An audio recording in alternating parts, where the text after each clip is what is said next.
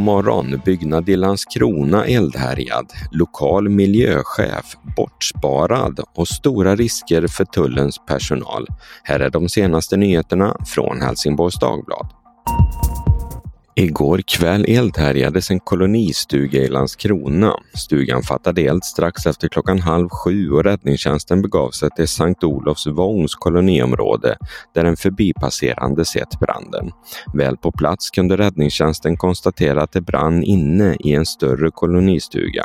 Räddningstjänsten släckte branden men innanmätet blev helt förstört även om väggar och tak trots allt stod kvar. Polisen misstänker att branden är anlagd. Ingen person skadades.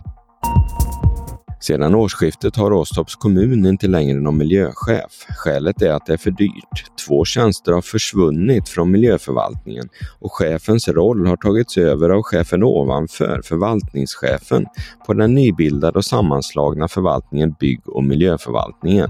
Förändringarna ska spara runt en miljon kronor.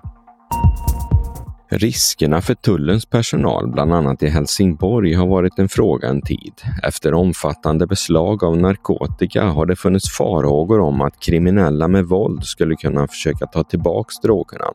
Riskerna anses nu så stora att Arbetsmiljöverket ställer krav på tullen att utreda riskerna och vidta åtgärder. Just nu pågår ett sådant arbete och i mitten av januari ska tullen komma med ett förslag i frågan som då bland annat omfattar ett krav på att tulltjänstemän ska få bära vapen i vissa hotfulla situationer.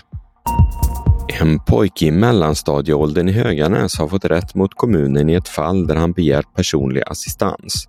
Pojken har både en psykisk funktionsnedsättning och ångestpanik som bland annat innebär att han har svårt att sköta sin hygien och klä på sig. Kommunen anser att problemen är av övergående art och har därför vägrat att ge honom assistans. Nu har förvaltningsrätten gått på pojkens linje och därmed har han rätt till assistans. Men kommunen har valt att överklaga domen domen till kammarrätten. Vid halv tre i natt exploderade det på en uteplats vid en lägenhet på Lindängen i Malmö.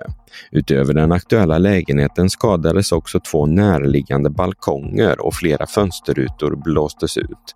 Ingen person skadades i sprängningen men polisen betecknar händelsen som en del i en lokal konflikt i området.